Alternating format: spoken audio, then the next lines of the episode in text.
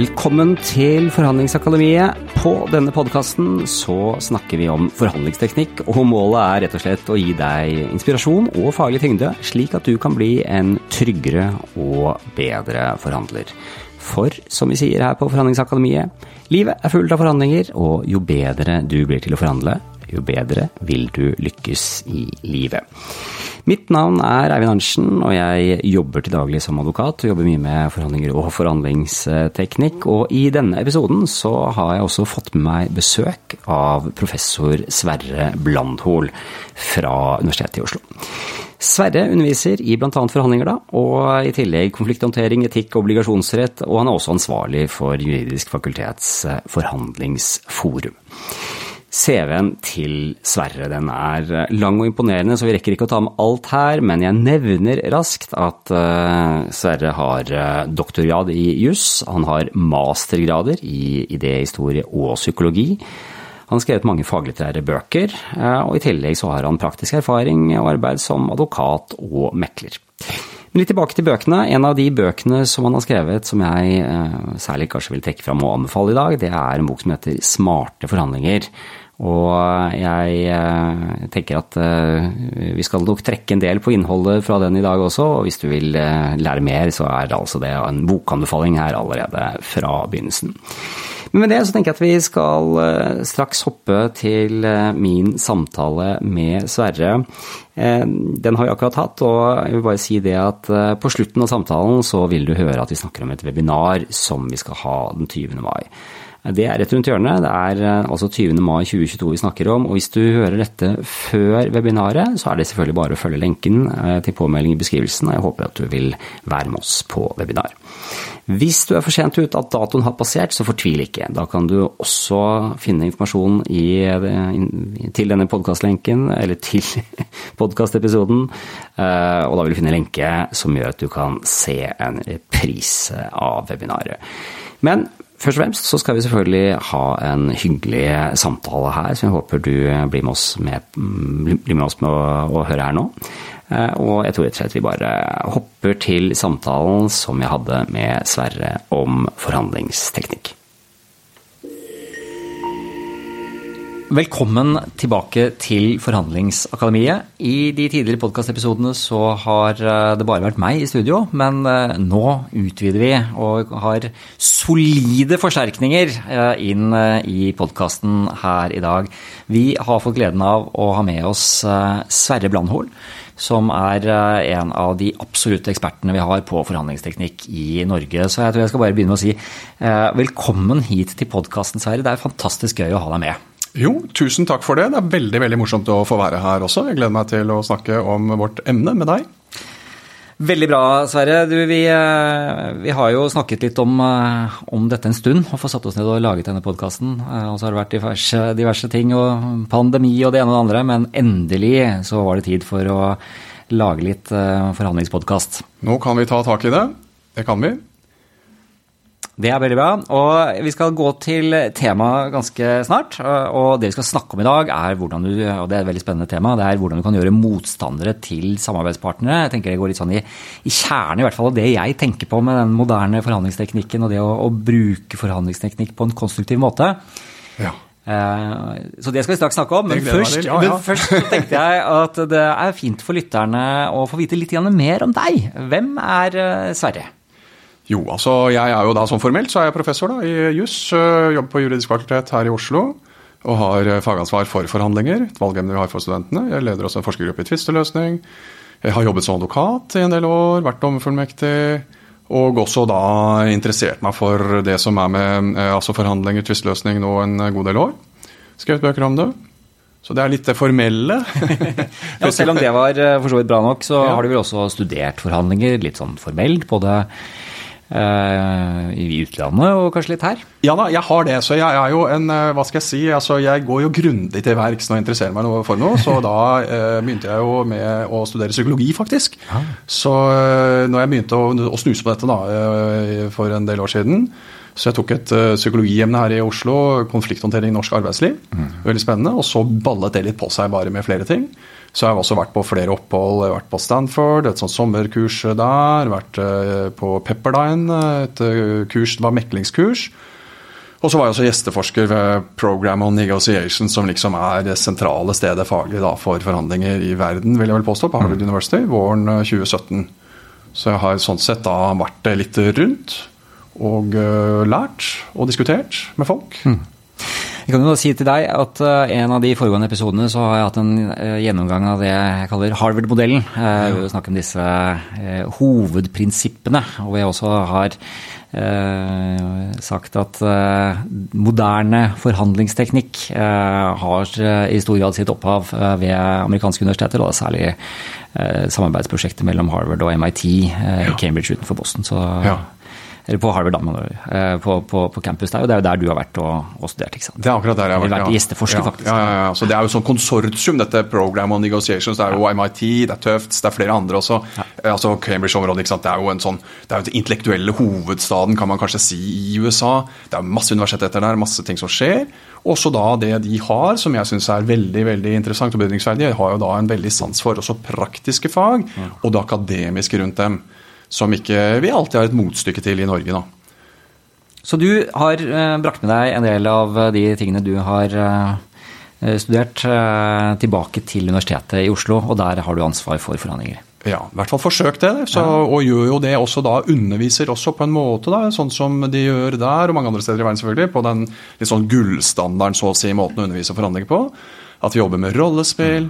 Mm øvelser, caser, mye diskusjon, mye ferdighetsorientert. Samtidig som alt dette er tuftet på forskning på hva som faktisk fungerer i forhandlinger, teori. ikke sant? Det er, ikke, det er liksom ikke bare en sånn, sånn anekdotisk, praktisk eh, metode. Det er forskningsbasert, teoribasert, praktisk metode. Det er jo, uh, skal ikke begynne podkasten med å, å, si at podkast ikke fungerer, for jeg tror definitivt at man kan lære veldig mye av å høre på disse podkastene. Men det er jo noe av det jeg syns er veldig morsomt med å lære forhandlinger, er jo når man gjør det ved disse simuleringene og disse rollespillene. Uh, ja. Og det er jo det er da du virkelig får det under huden. Uh, ja. Men jeg tenker jo at det vi snakker om i dag, og det man snakker om på Eller det du skriver om i bøker, og det vi har har av den type kilder, det er også noe som gir oss litt av hvert fall denne bakgrunnskunnskapen, men så er det det å praktisere også som er kjempeviktig. Absolutt. Men det er jo nettopp det. ikke sant? Det, det, er jo sånn som å trene musklene dine også. Du må gjøre det på forskjellige måter. Så da er jo podkast veldig utmerket. ikke sant? Da kan du høre det, og så kan du gjøre andre ting også. Så det er jo den måten vi jobber på nå, mer og mer, også undervisning. At man liksom bruker ulike typer øvelser, både fremover og bakover, holdt jeg på å si. Praktisk. Lytter, leser. Sånn sett får du kunnskapen og får forsterket det. da. Så absolutt ikke noe forkleinelse for en podkast. Jeg hører mye podkast selv. Ikke sant? Nå Rake løv i hagen og hva det måtte være for noe. Det er jo noe av grunnen til at jeg eh, elsker dette formatet. Men du, Sverre. Veldig gøy. Vi eh, sa det før vi trykket på rekord her også. Vi kunne sikkert ha sittet og pratet i mange timer og bare latt eh, skravla gå, men ja. vi må til eh, saken til dagens tema. Absolutt. Og du har jo eh, både en altså stort engasjement for forhandling, men du har jo også vært produktiv eh, og har skrevet flere bøker. Mm. Blant annet har du skrevet en bok som kom for et par år siden som heter 'Smarte forhandlinger'. Mm. og jeg tenkte at altså dagens tema er da tatt fra den boken. Det er ett av kapitlene du har der. Mm. Og Det er alltid en fare at man tar et fragment ut av en bok. Jeg har forståelse for at dette er, en, det er jo en helhet du har, uh, har laget. Men uh, så skal vi også på slutten av podkasten si noe om mulighet for å være med oss på mer um, undervisning. Mm. Um, men uh, det vi skal snakke om i dag, er altså det å gjøre motstandere til samarbeidspartnere. Og det mm. høres jo ut som et, det er et stort løfte å si at uh, man, kan, man, kan, få til det. Ja. Uh, men hvorfor er dette et viktig tema? Ja, så Jeg syns det er et godt valg da, av kapitler i boken. og jeg tror at Dette er jo helt uh, nødvendig. fordi at uh, Hvis man lærer seg den metoden som er i boken, da, den smarte forhandlingsmetoden, ja, så er det jo uh, veldig fint hvis man kan anvende den på flest mulig forhandlingssituasjoner. Og det er nok en realitet at det er ikke alltid vi møter folk som har verken satt seg inn i det på samme måte, eller ønsker eller kan forhandle på den måten.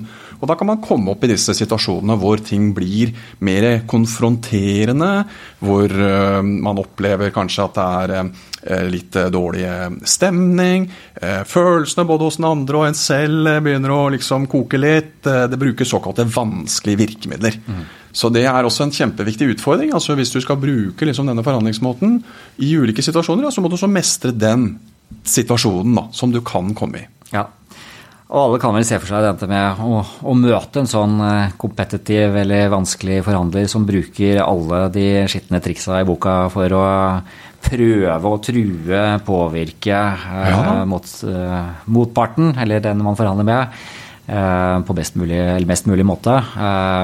Ut fra en sånn bygge, bygge, leverage, eller bygge, bygge styrke, men også eh, kanskje ta i bruk en del litt sånn ufine taktikker. Ja, ikke sant. Og det, er, og det er jo mange til og med som forbinder forhandlinger med dette. her. Dette er kanskje en av grunnene til at noen misliker forhandlinger også. De har sånt eh, inntrykk av det, at det er det det dreier seg om. Og hvis man ser forhandlingssituasjoner som scener på TV eller på film, og sånn, så er det ofte dette. For det er mer dramatisk, det er mer liksom konfliktpreget. Eh, det står liksom vilje mot vilje. Eh, men det er ikke noen smart måte å forhandle på, vil jeg påstå. Så øh, ja. Men, og, og, og, hvorfor er det ikke det? jo, fordi at det man er ute etter i forhandlinger, er selvfølgelig å få gode resultater for seg selv. Mm. Men i forhandlinger så er du avhengig også at andre vil gjøre det som du ønsker å gjøre. Og da må også de oppleve at de får noe ut av det. Så hvis du da klarer å skape eh, noe i forhandlingene som også den andre parten føler at ja, dette er jo bra for meg, så vil det også ofte være bra for deg selv. Eh, og For å få til det, så er det viktig da å ha et godt, noenlunde godt klima. Det er jo viktig å ha en noenlunde god prosess. Du må liksom kunne lytte og forstå den andre parten. De må også da være tilstrekkelig åpne, ikke sant? ha nok tillit til deg og være nok avslappet. De tør å fortelle om ting, og at du klarer å spørre om det. Og Da er det mye bedre å ha en god tone, eh, noenlunde høflig omgangsform i det hele tatt, alt dette her, enn at det er veldig anspent og konfronterende. Så i hvert fall i en ideell verden så er det noe vi vil eh, ønske oss. Og jeg er jo helt enig med deg. Jeg, jeg tror det blir både mer effektive forhandlinger, eh, det blir ryddigere forhandlinger, selvfølgelig. Eh, det blir et bedre klima til å finne gode løsninger som begge parter kan få mest mulig ut av. Eh, og det blir lettere å gjennomføre avtalen eh, ja. hvis man har en grunnleggende tillit i bånn.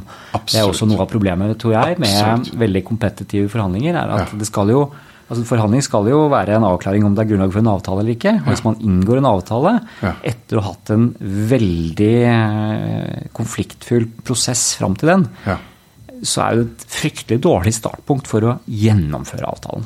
Selvfølgelig, ikke sant? og Derfor er jo en, et av de viktige punktene da, som er i boka, denne oppskriften, som vi skal snakke om sikkert også, det er jo da å tenke over på forhånd ikke sant? hva slags type forhandlingssituasjon skal du inn i. Og Hvis det er da snakk om forhandlinger hvor det er en implementeringsfase, eh, hvor da, da, vil det jo automatisk også være en relasjon ikke sant? som består utover akkurat forhandlingsøyeblikket, eh, ja, så blir jo disse tingene viktige. Mm. Og så er det å komme dit. Eh, for si vi eh, har en forhandling hvor du kommer til forhandlingsbordet med den konstruktive innstillingen, eh, men må erkjenne at det er ikke helt den samme innstillingen på den andre siden av bordet. Ja. Og som advokat har du helt sikkert opplevd det. Som, som dommer vil jeg anta at du har vært i noen meklingssituasjoner. Absolutt. Og bidratt der, og du driver kanskje litt mekling ellers også. Ja da.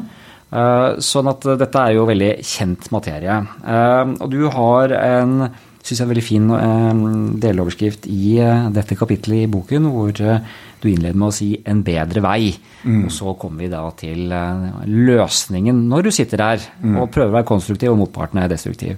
Mm. Hva er en bedre vei, Sverre? Jo, altså dette er, Jeg kaller det en sånn sekstrinnsstrategi. Det er seks trinn da, i en ganske generell strategi, basert på det forskningen sier og mye teori, og det også andre forfattere har laget. Det er ikke noe jeg bare fullstendig liksom av eget bryst eh, har suget ut, men, men jeg har satt det sammen på en, en, måte som jeg tror eh, har mye for seg. Og Det første trinnet er jo å være forberedt. sånn at eh, du bør egentlig ha tenkt over dette før du kommer og møter denne vanskelige personen.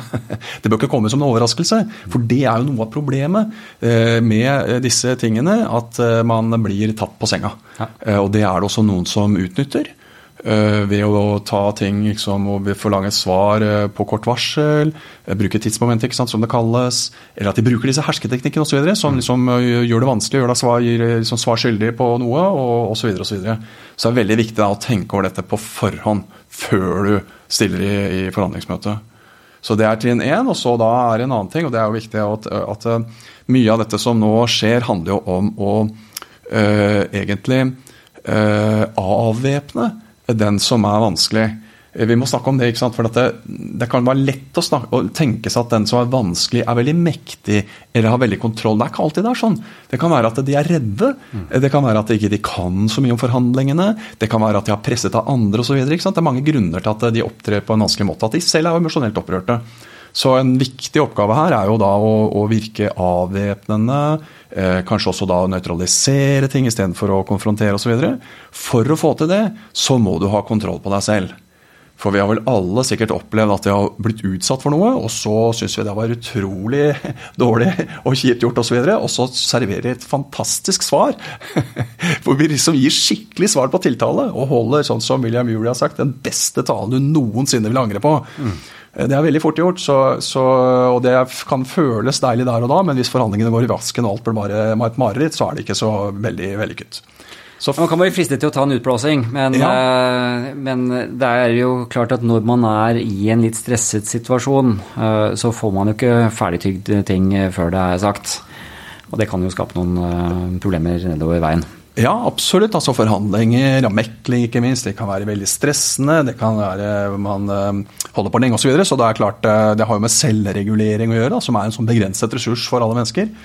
Så, så um, det kan være krevende. Og, uh, men altså det trinn to her da, er rett og slett dette å bevare fatningen.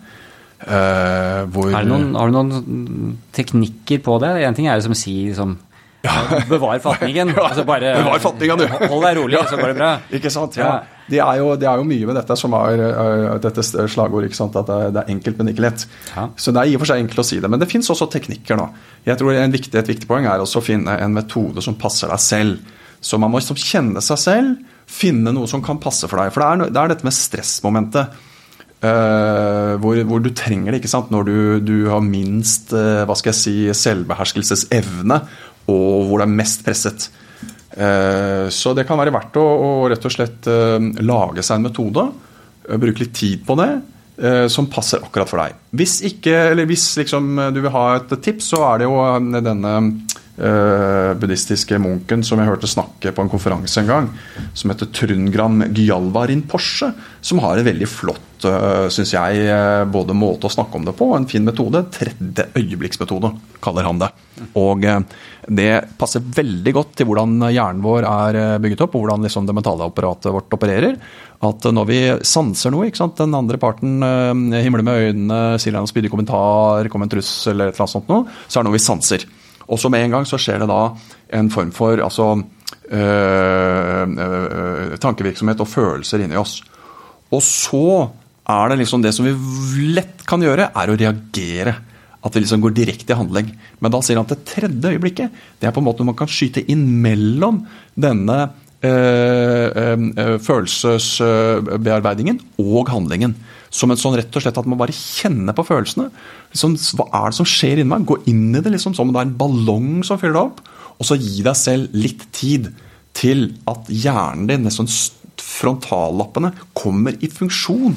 For det er det som er eh, sånn det, det eh, nevrologiske, hjernefysiologiske grunnlaget for dette her. At den avanserte hjernen vår, den er veldig bra, men den er treg. Vi har disse grunnleggende refleksreaksjonene nærmest, sånn som vi har felles med krypdyr og slanger, som er raske, varme osv. Men vi trenger å, å, få hele eh, hjernen i funksjon da. Så det syns jeg er en god både altså slags sånn analogi, metafor kan du kanskje kalle det for hva det dreier seg om, og i og for seg en metode man kan bruke. Bare rett og slett uh, bruke nok tid, uh, og være villig til at det kanskje blir noen ja. uh, kan bli noen litt sånn, litt sånn pinlig stillhet i noen øyeblikk her også. Ja, ja, det å ta, men også pauser er veldig bra. Ja. Det er jo derfor man snakker om å telle ned til ti, eller opp til ti, eller opp til 100, ned til 100 osv. Puste. Uh, ja, sånn som, altså, For å ta et eksempel. Jeg selv senest i dag. Jeg, jeg ringte opp en samtale, så kom jeg til et sentralbord. Og så uh, var det jo de som hadde ringt til meg, liksom. og uh, Eh, jeg skulle bare prøve å få komme i kontakt med den personen. Og så opplevde jeg liksom den som snakket til meg da på sentralbordet, og sikkert hatt mange dumme hendelser, som ikke veldig høflig, da. Og da kjente jeg akkurat dette her sånn. ikke sant? Den, den, og den lysten til, til, å svare et eller annet uhøflig sånn i farten. Og så bare kjente jeg at eh, nå, nå, nå er jeg der. Og så, Dette var jo bagatellmessig, men akkurat sånn så bare satte jeg på en måte navn på den følelsen.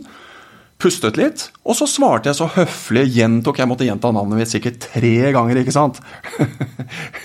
For hun har ikke hørt dette her nå. Det er greit, det var ikke noe så. Men det er nettopp det, man kjenner ikke sant, følelsene kommer, og så får man lyst til liksom, litt, litt, sånn snepp tilbake. Det er helt unødvendig.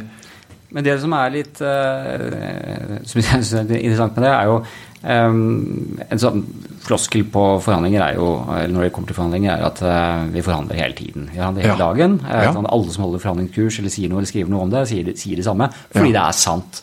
Det du uh, viser til nå, er jo akkurat, akkurat det samme.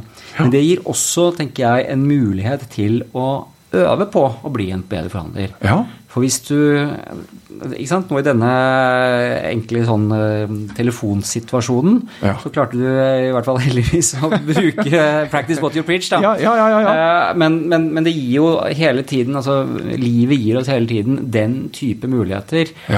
Både til å trene på og puste rolig og ikke, ikke la lillehjernen reagere i den type situasjoner.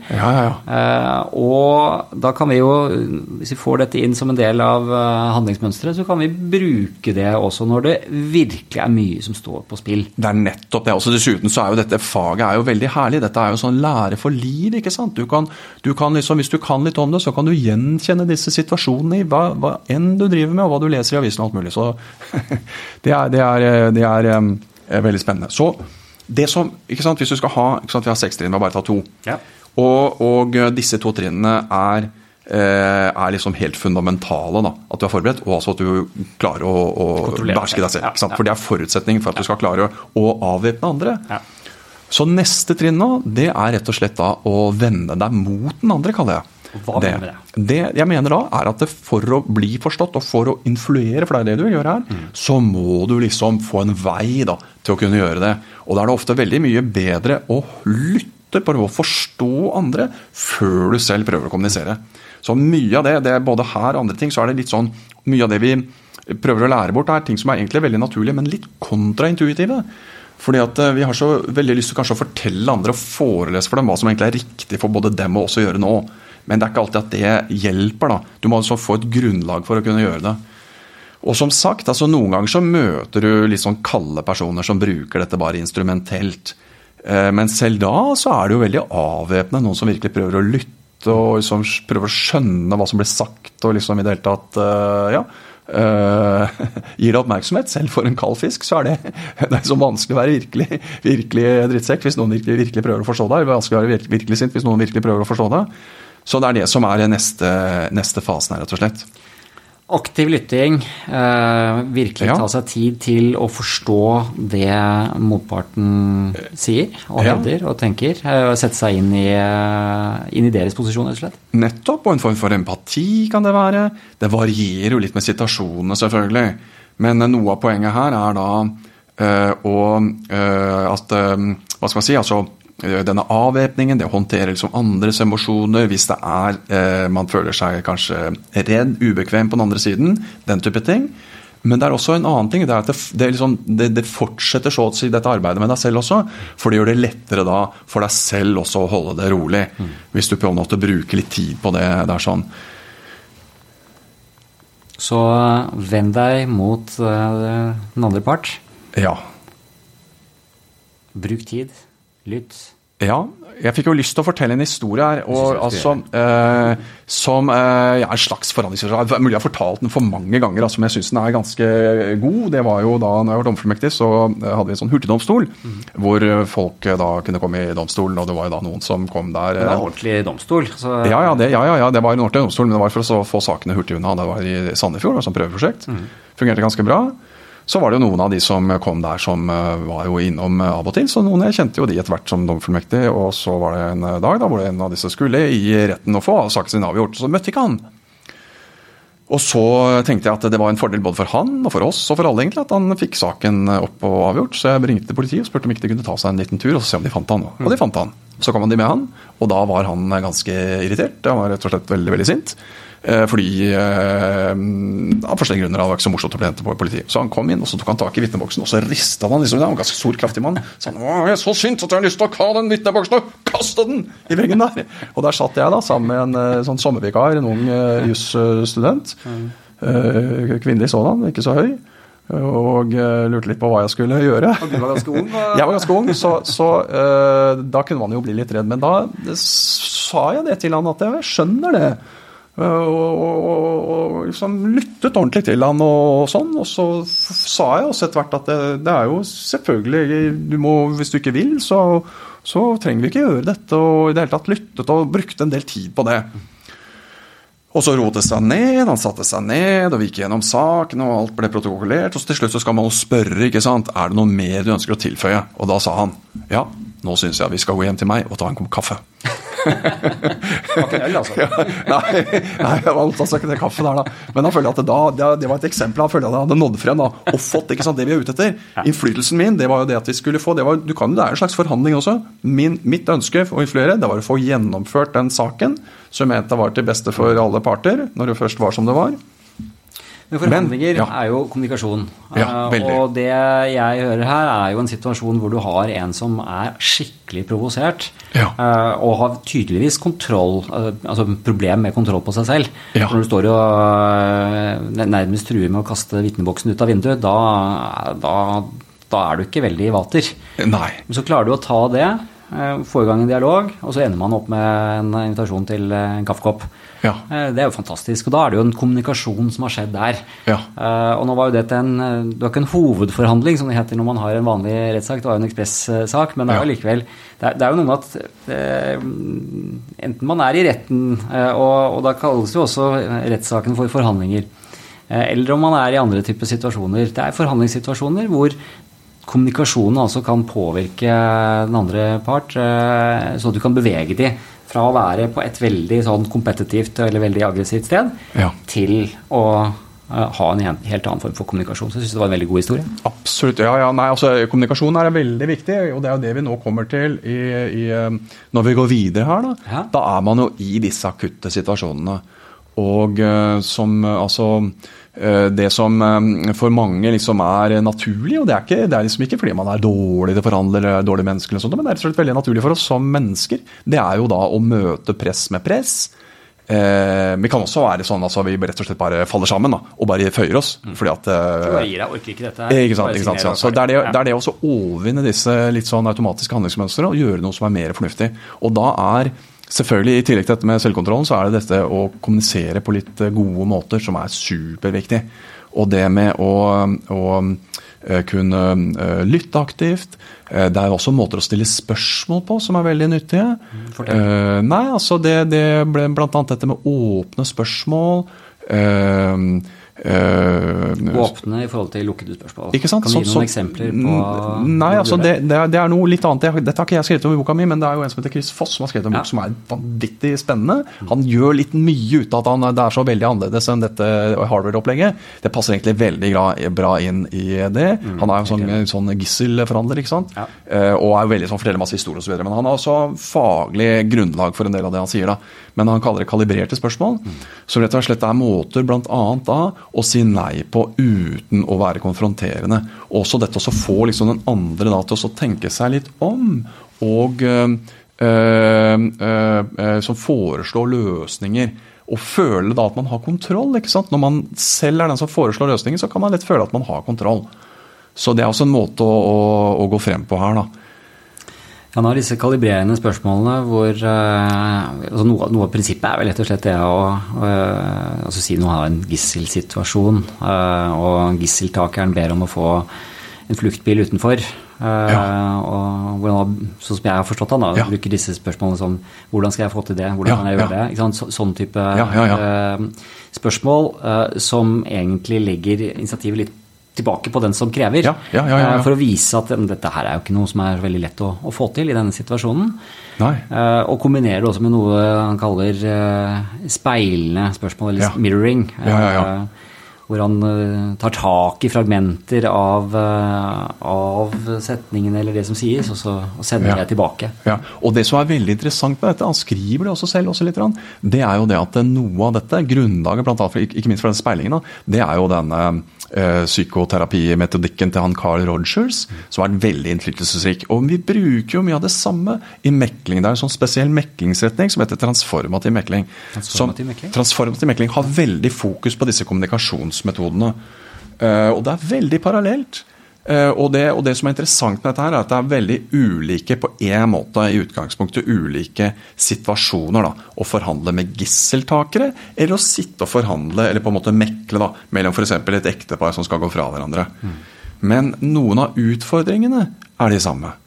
Og, og, du kan jo vanskelig kanskje tenke deg noe mer konfronterende og mer eh, dramatisk, og hvor mer står på spill, enn en gisselforhandling hvor det er da gisseltakere som, eh, som uh, truer med, og kanskje også er kapable til å ta livet da, av gislene. Mm. sant?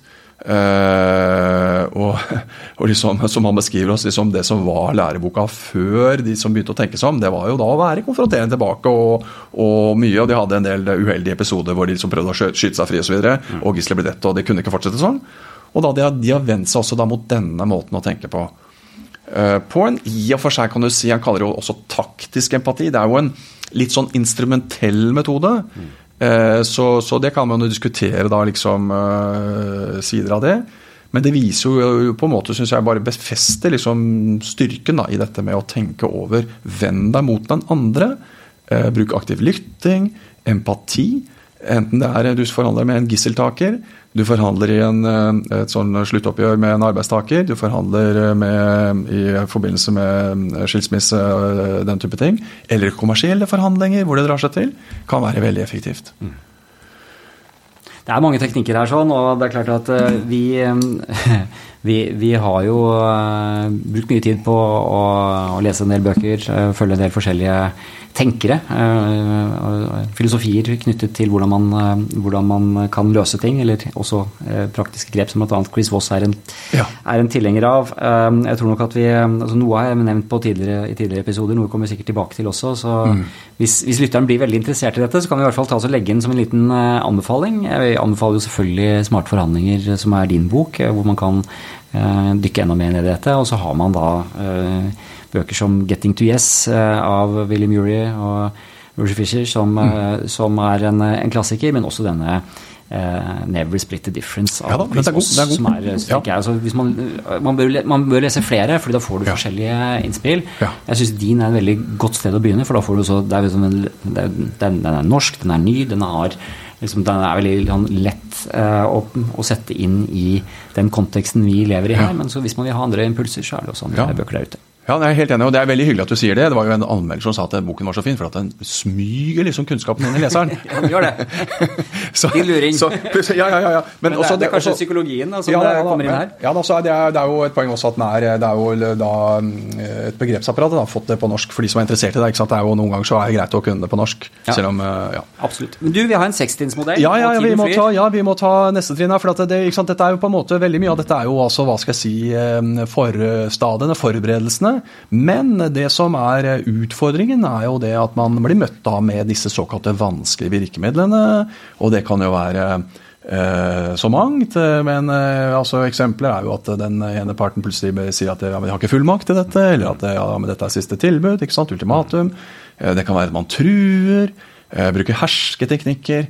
Alle disse tingene her. Deadline, ja. Mm. Ikke sant? Og, og, og ikke sant? Eh, du bruker tidsmomentet, plutselig tidsfrister osv. Uh, mange, mange, mange ting. Jeg nevner mange av dem. da. Mm. Ikke alle, men altså, jeg prøver å liste opp en god del av dem i den boka. Det er ikke så mange steder man gjør det, faktisk. Og det er også veldig Apropos, nå skal jeg ikke bare, bare bruke tid på reklame her, men altså Det er greit å ha en sånn oversikt over dem. Ja. Og det som da er poenget, er at disse teknikkene eller taktikkene, de eh, kan jo påvirke. Det er jo derfor de brukes. Ja, ja. Så vi må jo også gjøre noe for at vi ikke blir påvirket av dem. Fordi etter vår metode, holdt jeg på å si, jeg tror jeg kan si det, altså, så er jo da vi ønsker at forhandling skal skje på liksom sakens meritter. På, basert på, på liksom forhandlingsstyrken vår, og hva som er mulig å finne ut av løsninger, og hva som er partenes interesser og behov osv. Ikke ved at den ene bruker hersketeknikk eller truer eller liksom, sånne ting. Så det er den neste fasen her. Vi må, vi må nøytralisere denne, disse teknikkene. Det høres jo lett ut. Det høres veldig lett ut. altså, kan du ikke bare nøytralisere det? Ja. Men det er, også, det er litt det samme. ikke sant? Men det fins eh, noen eh, metoder for det også. da. Og du kan jo si det vi har snakket litt om, altså det, jo, det bidrar jo det også. Men så er det mer sånne, sånne konkrete ting. Da. det det, det, sånn litt sånn generelt, noe av det handler om å istedenfor å møte press med press, å bruke en indirekte metode. Og bl.a. da f.eks. overse ting. Mm. For det som, det, som får oppmerksomhet, mm. det blir det gjerne mer av. Det er litt sånn som med småbarn? Det, da. det er akkurat sånn som med småbarn. Mm. Rett og slett. Dette er både forhandlingspsykologi, ja, men også barnepsykologi. Ja, ja, ja, ja, ja, ja. Og så er det det at alle er vi kanskje barn inni, inni oss også når vi er voksne, holdt jeg på å si. Ja. Og også i forhandlinger, holdt jeg på å si. Eh, så, så det, er, det, er, veldig paralleller. Og, og det kan jo f.eks. da være eh, trusler. Jeg husker veldig godt en situasjon da jeg selv var advokat, hvor det var trussel om brudd. da, Det er jo en trussel, ikke sant. Mm. Eh, vi forhandlet, det var en tvist Eh, med et kontraktsforhold eh, hvor det var ikke så store summer. Det var jo millionbeløp, men ikke store millionbeløp. Men det var et veldig komplisert faktum. Det var noe sånn telemarketing eller sånt noe, med tusenvis av sånne, sånne, sånne logger. ikke sant? Mm. Så det var jo en drøm for en advokat, ikke, ikke nødvendigvis, men det var jo et mareritt for, eh, for klientene, selvfølgelig. Mm. Så det var veldig gode grunner til å få til en løsning. Og vi hadde også, øh, øh, syns jeg, hva skal jeg si altså, ja, Også på forhandlings, altså forhandlingssituasjonen egnet seg for en løsning. Men det var vanskelig, selvfølgelig. Og den andre, jeg husker vi satt i forhandlingsmøte, så skulle da Så var den andre parten, særlig klienten, altså ikke advokaten, som liksom, liksom brusket seg opp litt, og så sa at nei, det, det, det blir ikke noe og begynte å pakke sammen. og Pakket sammen og pakket sammen og holdt på med den pakkingen sin. og mye dokumenter, selvfølgelig. Og vi satt det bare der. For det er, ikke sant, det var, det var, ikke sånn fullstendig bevisst, men det er ikke over før det er over. Og har du meklet litt og sånn også, ikke sant, så vet du dette her. Og så holdt han på med dette her og brysket seg til ikke sant, og ville gå osv. Og, og så Vi bare var der, ikke gjorde noe nummer ut av det. Og så på vei ut døra så sa han Forresten. Og så fortsatte vi, ikke sant. Da var vi i gang igjen. Og det, var, det, er et eksempel på det. Og det er også veldig viktig, jeg kommer jo litt senere, men det henger jo sammen. det er jo det, Man må jo ikke gjøre det vanskelig for den andre parten å komme tilbake igjen. Nei. Så vi gjorde minst mulig nummer ut av det. Og så fortsatte forhandlingene. Og så litt etterpå så kom vi da frem til en løsning. Og det er, eh, jeg tenker på det, det har mange forhandlinger jeg har vært i selv også, hvor det har vært sånn eh, den der breaking point. Eh, og akkurat de ting du gjør eller ikke gjør i en sånn situasjon, er veldig avgjørende for om det blir full krig, eller om man faktisk klarer å komme tilbake til en konstruktiv samtale. Ja. Og Noen ganger så går det en kule varmt, og det, det, kan være ganske høy temperatur, men da må man være profesjonell nok til å liksom legge det til side, overse og ha fokus på sakens meritter. Uh, keep your eyes on the price, som William Murray pleier å si. Ja, uh, viktig. Ja da, og Det du sier nå, det er litt viktig også, for det, er klart at det kan jo ikke sant, dra seg til, og så blir det sagt litt dumme ting fra begge sider. Da er det jo et, et, et råd der, si. Det er slett, Hvis det er noe du kan beklage, så beklage det. Det er også ganske sånn dempende. Ja. Men ideelt sett så prøver vi liksom at vi er virkelig altså eh, både Jesus og Buddha og, og, en stoisk filosof samtidig her, og klarer å liksom ta alt og, og, takle det. Men vi er mennesker også, så i faktiske situasjoner så er det klart at det, eh, man kan gjøre feil. Eh, men, men, med en forståelse av dette, og kanskje litt trening også, så, så er det lettere å gjøre det riktig. Da. Så oversetting kan ofte være effektivt. Men det er ikke alltid at det er nok. da. Og da kommer vi til dette med at man kan omformulere. Omformulere det som, som blir sagt. Så hvis den andre liksom sier at som du ser sliten ut, eller liksom skal du gifte deg, liksom? mm. For da, du liksom litt for, har litt for mye fine klær på deg. Sånt, noe, sånt, som kan være ikke sant? Det er litt sånn ekle, men, men, men sånn hersketeknikker, da. Mm. Uh, det kan være det er litt sånn Kanskje ubehagelig. Kanskje ikke for deg å forstå dette, du som er så ung og uerfaren. Ikke sant? Ikke sant, ikke sant. Uh, har du noen erfaring med sånne forhandlinger som dette her, du, da? Mm. Eller eller sånn den Jeg elsker mest av alle disse eksemplene som jeg bruker noen gang som, og for en kvinne. da. Det er faktisk sann historie. De hadde vært kolleger. da Eh, og så hadde de begynt i hvert sitt advokatfirma, og så i et forhandlingsmøte sitter hun, ikke sant. Eh, eh, om hun er nyoppyrket partner, i hvert fall ganske høyt i systemet. Og så sier han tidligere kollegaen til henne kan du hente litt kaffe til oss, vesla? Oh. Så det er veldig sånn drøye ting. Og da, da, da, er det lett å, å bli veldig fokusert på seg selv og øh, øh, blir opprørt. Man tenker kanskje at ja, dette kan man ikke finne seg i, man må si noe osv. Noen sammenhenger så kan jo det være riktig, men jeg anbefaler jo hvis man ikke det er liksom øh, For det er ikke det forhandlingen gjelder. Man kan unngå det. Og da er det i et, nesten ethvert utsagn så er det gjerne også en liten saklig komponent. Og Da kan du velge om du vil ta og fokusere på det personangrepet som du opplever, eller på det saklige. Så hvis det var dette, du ser sliten ut. Ja, vi har holdt på lenge, og det gjelder sikkert begge to. La oss komme til saken, så vi kan bli, komme videre i disse forhandlingene. ikke sant? Ta det lille saklige innholdet. Eller si ja, takk for omtanken, la oss nå komme til forhandlingene, osv. Den type ting omformulere det, bare rett og slett komme over blanding, holdt jeg å si, på å overse det, det, det, negative, og gå over til det man ønsker å snakke om. Ja, og så er det jo viktig, tenker jeg, at man ikke man må ikke bli for servil heller. Så det å Nei. overse skal ikke bety at man skal finne seg i alt mulig. Nei. Eh, for det er det ingen grunn til. Nettopp. Men, eh, men det går an å håndtere det på en litt mer profesjonell måte enn det man eller det mange, mange gjør. Ja.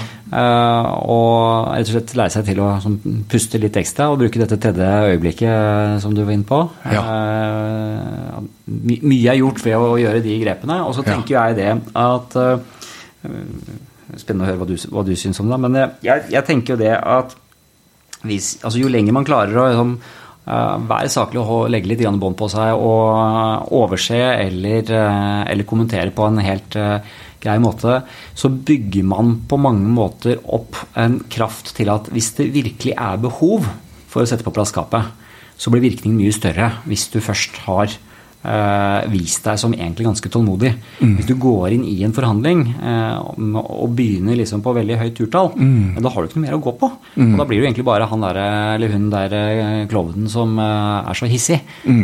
og det gir jo ikke noe, eh, verken noe respekt eller noe konstruktive eh, forhandlinger. Nei, ikke sant? for det, det, er jo veldig viktig her, og jeg er glad for du nevnte dette, både det eksempelet og eh, dette at man, Det er jo ikke det at man liksom skal gi seg heller her, det er jo helt riktig. Så det, det du også trenger å, å, gjøre her, er jo å vise en form for fasthet. Men ikke på en eskalerende måte. Ikke, ikke ved selv å bli sint og selv begynne å true, men en fasthet. Og der kommer jo også dette f.eks. med spørsmål inn igjen. da. Med altså, så spørre liksom Hva tenker du vil skje?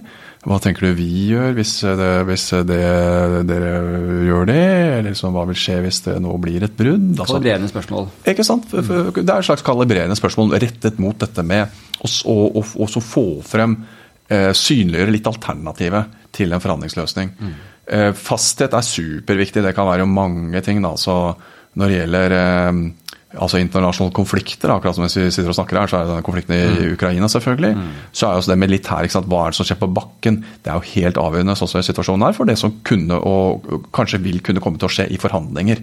Så det er bare en veldig ekstrem variant, da. Egentlig det samme spillet mellom øh, fastheten og, og, veien inn i forhandlinger. Men det er jo det, bare forhandlinger som vil være løsningen på den krigen, som alle andre kriger også. På et eller annet tidspunkt så blir det en forhandling. Ja, men altså Ja, altså det, det, det har jo kriger hvor, hvor, den ene parten altså Den konflikten kan avsluttes også ved at den andre parten vinner, da. Så, men, men, men um, ja.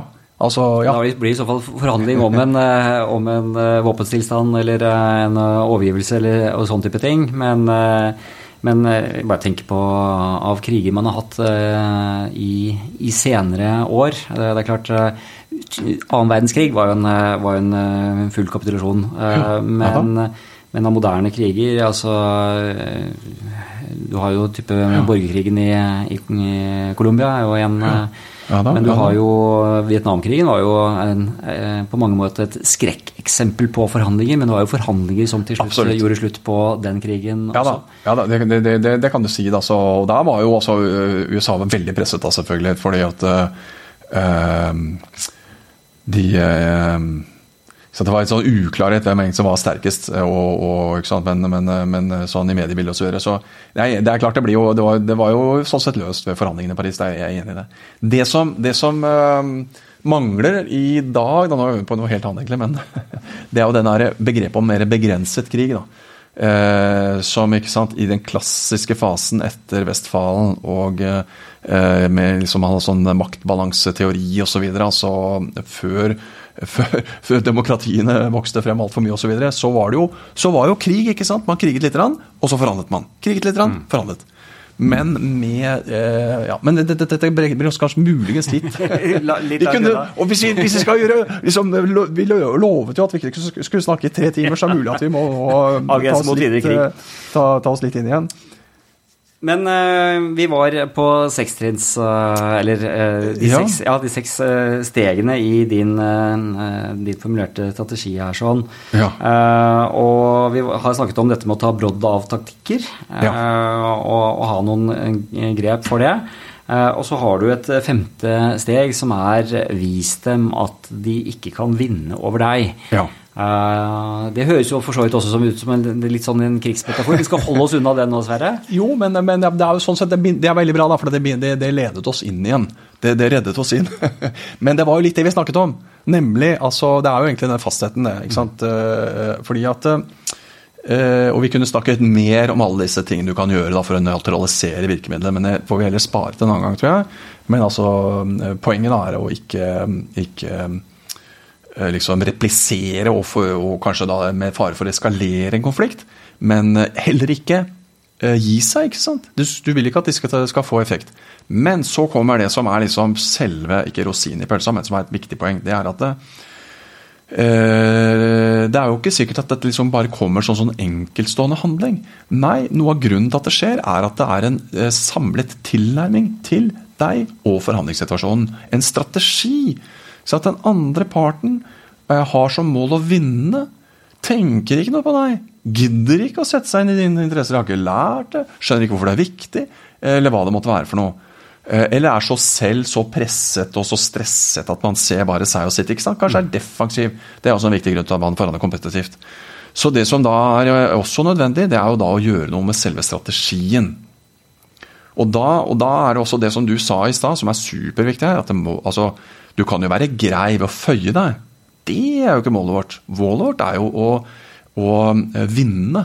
Men vinne også sammen med de andre, da, eller at de andre vinner nok til at vi kan vinne. Ja, for Vi skal definitivt så, komme ut av dette her sånn, med, med, med, med, ja, med noe mer. Man skal, ja. man skal, prøve å finne ut av uh, hvordan kan vi få mer ut av kaka, hvordan kan vi komme godt ut av dette. Ja. Og Du har et uh, sjette steg her sånn, som er å invitere uh, motparten til å vinne sammen med deg. Ja. Det er kanskje der uh, krukset ligger, da. Ja, for da kommer vi, ikke sant. Det var jo det som var utgangspunktet vårt. Det var jo det at eh, vi da har jo lært denne smarte forhandlingsmetoden, hvor man eh, finner ut av hvem er det lurt å forhandle med, hva slags interesser og behov har de, hvilke muligheter kan vi skape ut fra det og det ene med andre. Og nå vil vi liksom komme tilbake til det, da forhandle liksom på meritten og finne en god løsning sammen med den andre parten. Selv om de har vært vrange og vriene og i det hele tatt eh, oppført seg som eh, duster. Så ser vi at det, vel, altså, eh, vi vil ikke gi opp med dem, for det kan være tjenlig for oss. Men da møter vi altså på to problemer. Det ene er at de liksom kanskje bare fortsetter i samme spor, som ved å vise tilstrekkelig fasthet, sånn at de skjønner at de kan ikke vinne over oss. Og samtidig så vil de ha det med på vår måte å forhandle på. Og det er jo de ikke vant til. De må jo liksom endre seg. De må gjøre noe nytt. Pluss at det er du som foreslår det, som de trodde at de bare skulle valse over i utgangspunktet. Så her er det jo et viktig sånn barriere, nemlig det at det rett og slett dette møter motstand. Skepsis. Eh, handlingslammelse, kanskje. Og da, eh, og pluss at det, både hos dem og hos oss så er det jo her farer. For at vi kan liksom bli fristet til å hovere litt og liksom la det få passet sitt påskrevet. og sånn, For at nå er det vi som er i førersetet, nå skal vi fortelle om hvordan vi skal gjøre tingene. Det er ikke sikkert det fungerer. Da plutselig er det vi som blir det vanskelige. Nei, det som er bedre, hvis du virkelig da vil prøve å få en avtale med dem, det er jo et viktig punkt. da, Det kan jo bli så ille at du bare tenker at dette her må vi bryte. Men vi ønsker å få en løsning med dem. Ja, da er det mye bedre å, å unngå at de taper ansikt.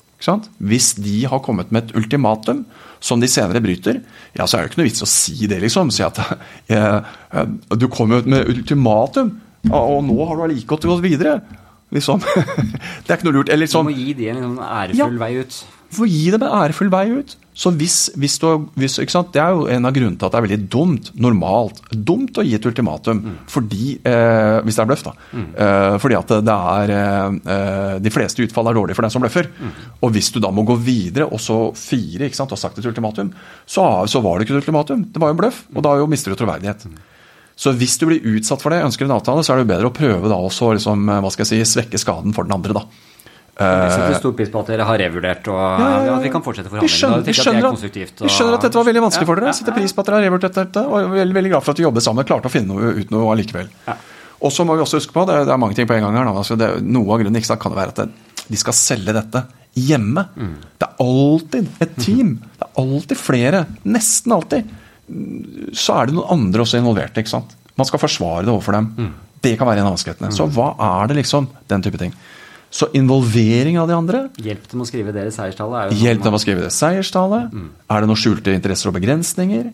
Eh, ikke la dem tappe ansikt. Og så En annen viktig ting det er at eh, altså med, med liksom forbehold, altså noen forhandlinger eh, foregår jo bare kortvarig, men andre er mer omfattende. men altså at eh, man være litt tålmodig. rett og slett. Jeg kaller det ta små skritt.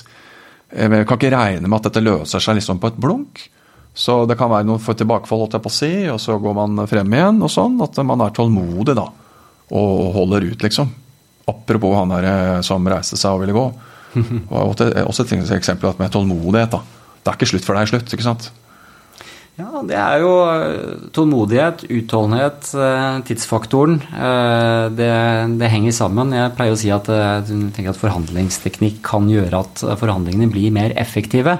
Eh, Og, eh, og det mener jeg virkelig også, men samtidig så er det jo noe med at eh, man må gi ting nødvendig med tid. Også det å gi Kanskje motparten eh, anledning til å rase litt fra seg, eller, eh, eller at man bruker tid på, på spørsmål og avklaringer, og, og gå de rundene. Det er også ting som kan, kan Ja bidra.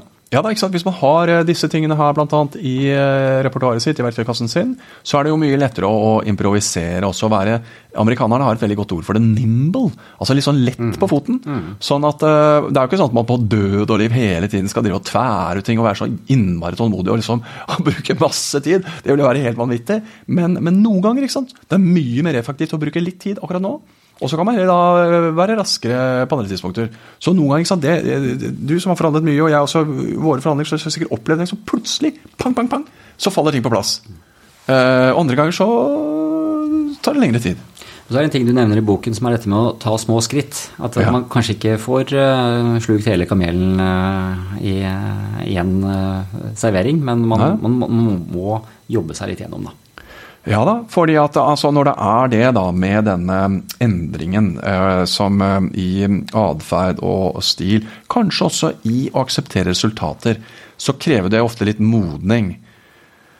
Og eh, altså Noen forhandlinger er jo sånn at kanskje løsningen eh, skal være sånn at den parten som har krevd noe, eller en av partene kanskje ikke får så innmari mye, men allikevel skal forsone seg med det. Sant? Vi snakket om dette med implementering.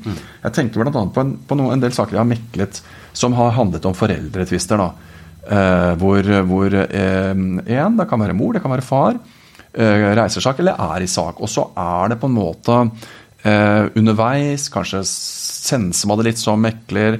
Uansett så blir resultatet kanskje at det ikke skal skje noen endring. Barna skal være der de er.